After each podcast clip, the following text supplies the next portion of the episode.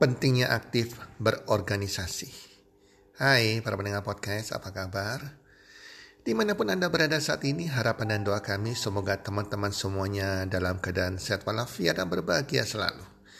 Dan pasti-pastinya rezeki Anda akan makin bertambah dari hari ke hari, bulan ke bulan. Dan tentunya keberuntungan dan kesuksesan menyertai Anda sepanjang tahun ini.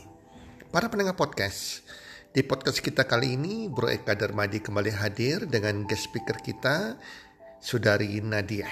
Mereka akan berbincang-bincang tentang pentingnya aktif berorganisasi. Yuk kita dengarkan sama-sama, semoga bermanfaat.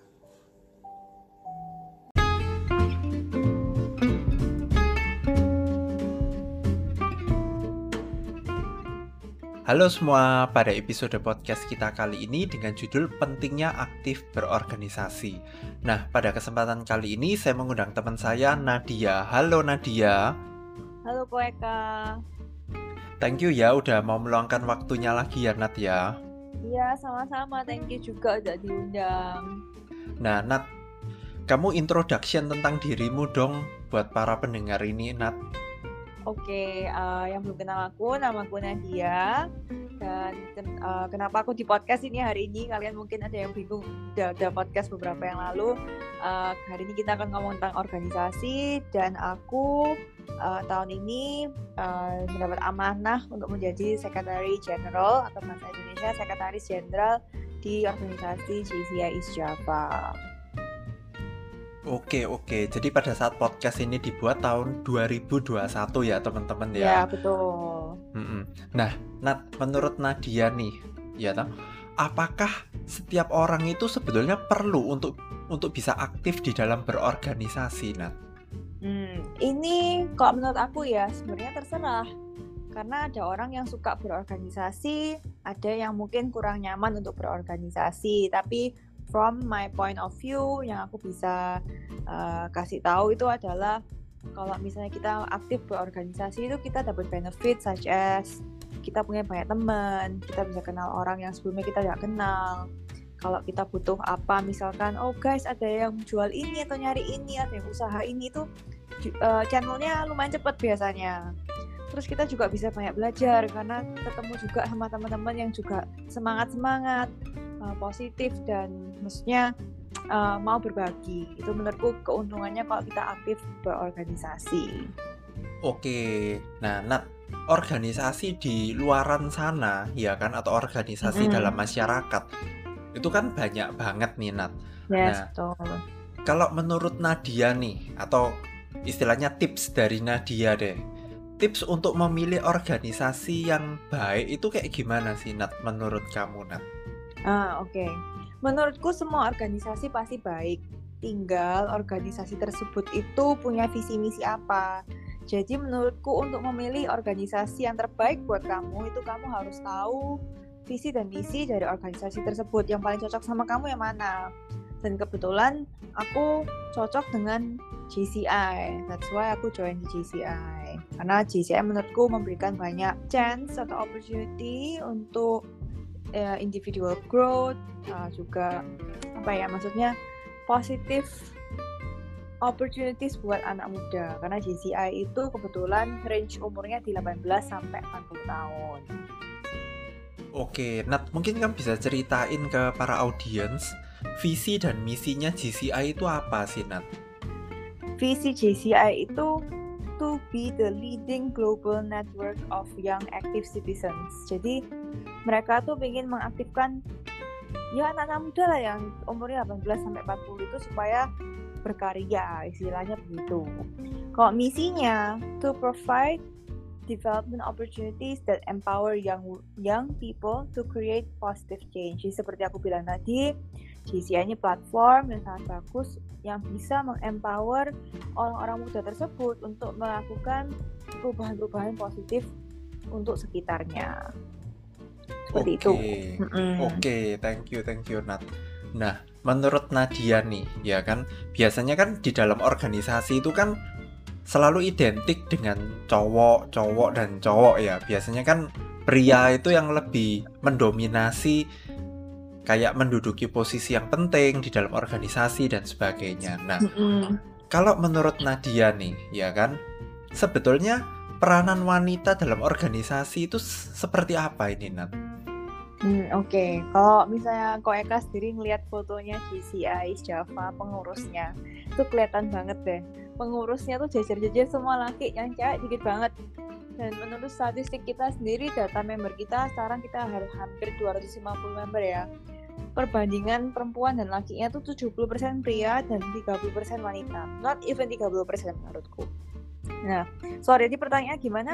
Um, peranan wanita di dalam organisasi, organisasi ya? iya. Uh, dalam organisasi, menurutku wanita itu apa ya? Wanita dan pria itu saling melengkapi. Jadi uh, organisasi kalau terlalu wanita semua itu menurutku juga kurang bagus gitu. Kalau pria semua juga kurang bagus. Yang bagus adalah um, diversity dari kedua gender. Menurutku seperti itu.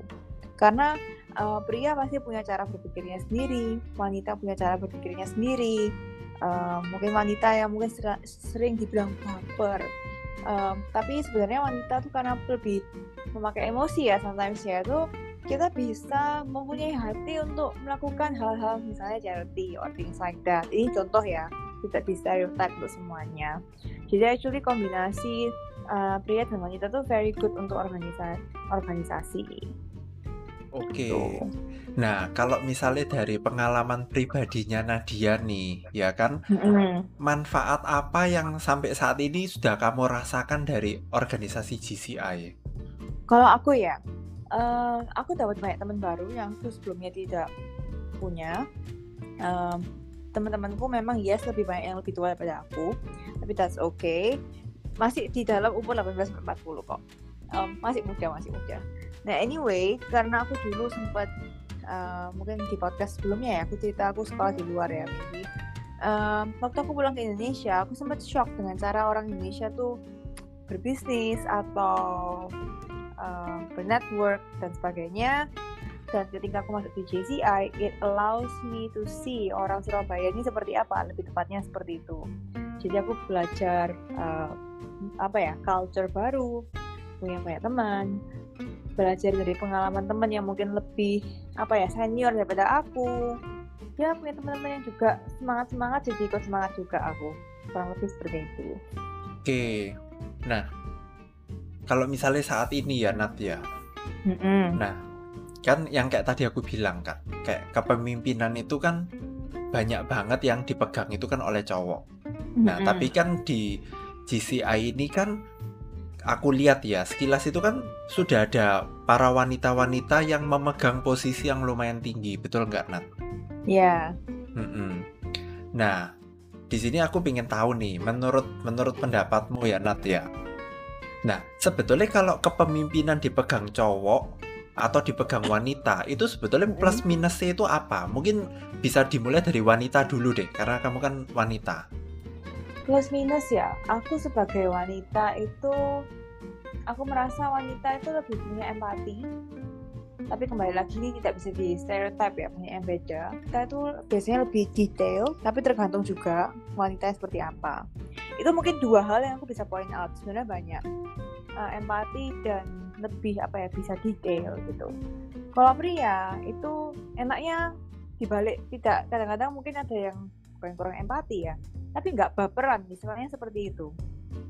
Lebih fair kadang-kadang karena lebih nggak baperan dan bisa lihat the bigger picture. Itu menurutku uh, sering kali aku menemui pria dan wanita seperti itu tapi itu tidak bisa disamaratakan menurutku.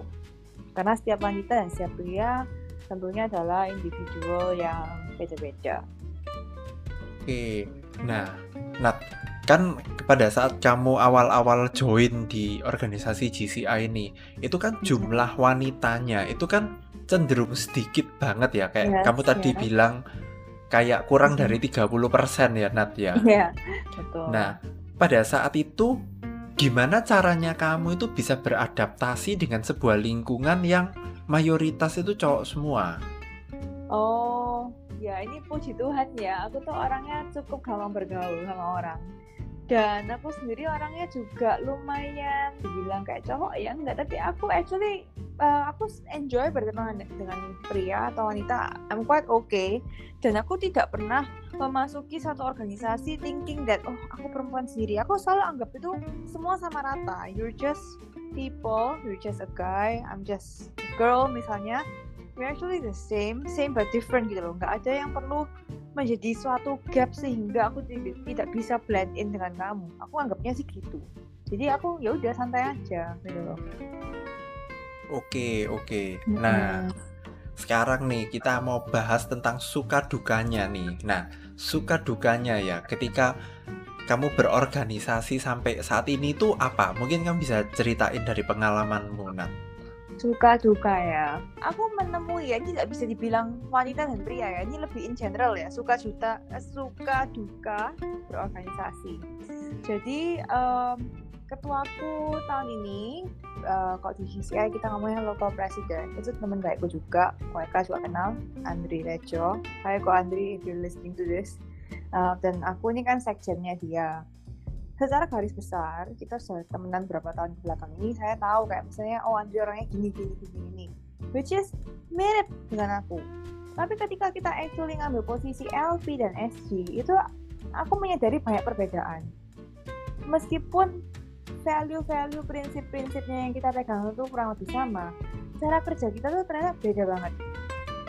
Jadi dari situ aku sempat struggle aduh gimana nih kerja dengan orang seperti ini tapi nggak ada yang salah nggak ada yang benar ya.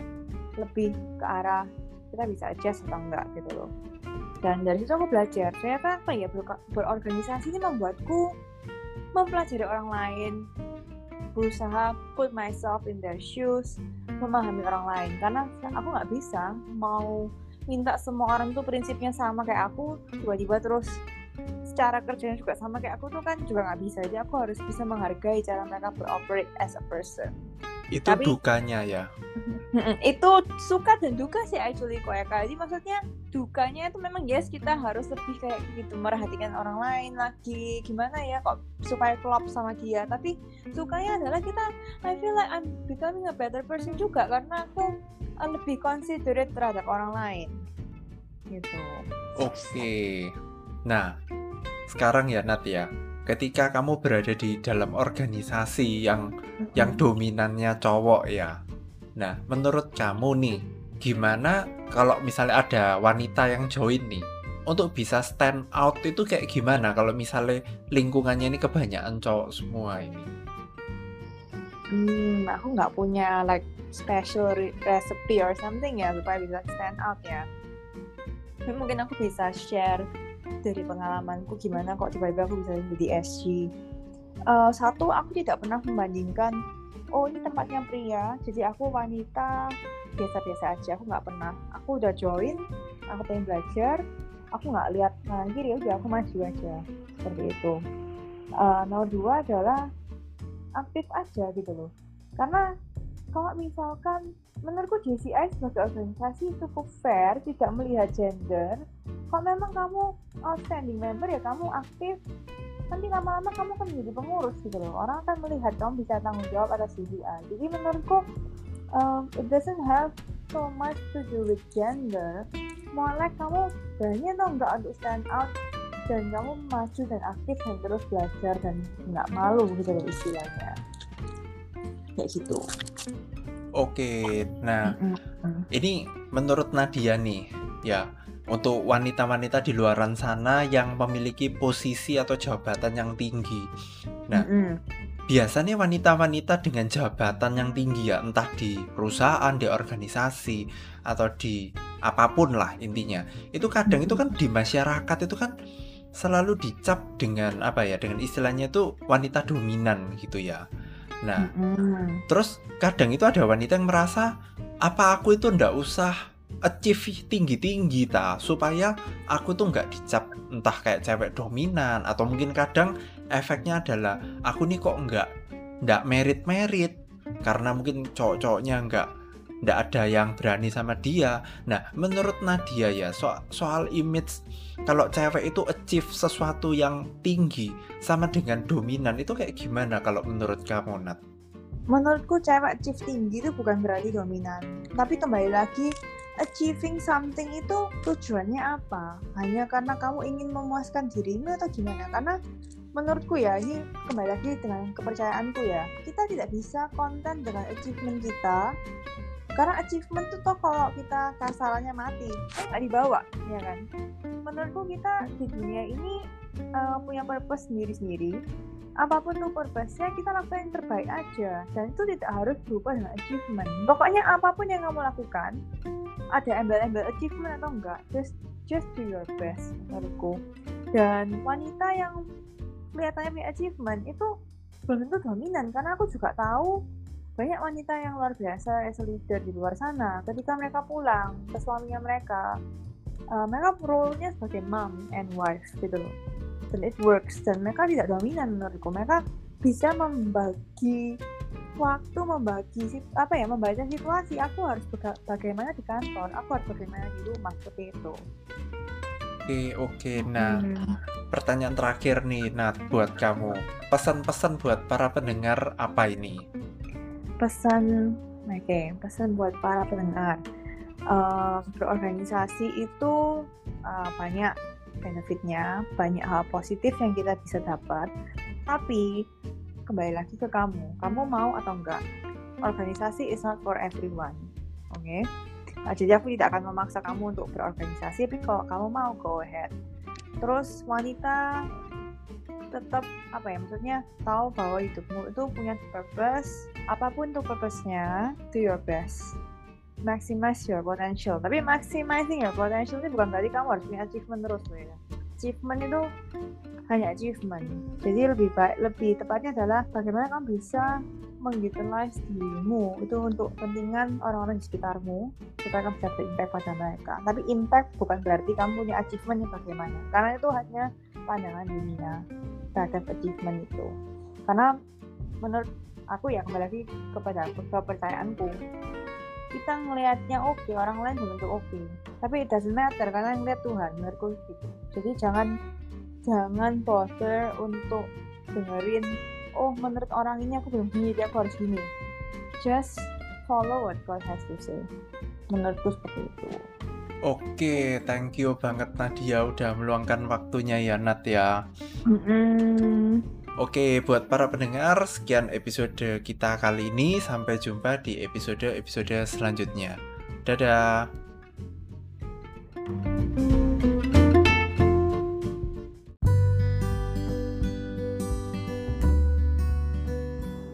Terima kasih sudah mendengarkan podcast kami.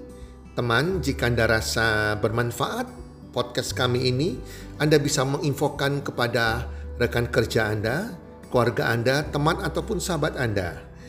Dan jika ada hal-hal yang Anda ingin tanyakan kepada kami ataupun topik-topik apa yang Anda ingin kami bawakan, kami sampaikan, Anda bisa DM kami di Instagram kami